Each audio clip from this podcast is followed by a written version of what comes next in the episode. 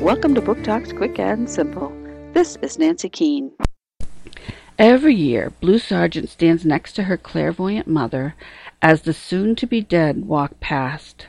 Blue herself never sees them, not until this year, when a boy emerges from the dark and speaks directly to her. His name is Gansey, and Blue soon discovers that he is a rich student from the local private school. Blue has a policy of staying away from those boys. Known as Raven Boys, they can only mean trouble. But Gansey is different. He has it all family money, good looks, devoted friends. But he's looking for much more.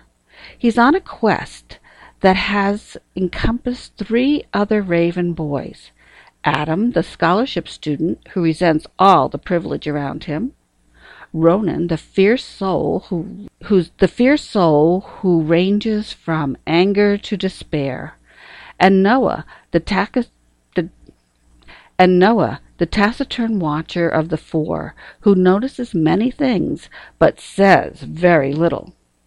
As long as she can remember, Blue has been told by her psychic family that she will kill her true love. She never thought this would be a problem. But now, as her life becomes caught up in the strange and sinister world of the Raven boys, she's not so sure any more. The Raven Boys by Maggie Stiefvater. Scholastic, 2012. Book Talk by the New Hampshire Flume Committee.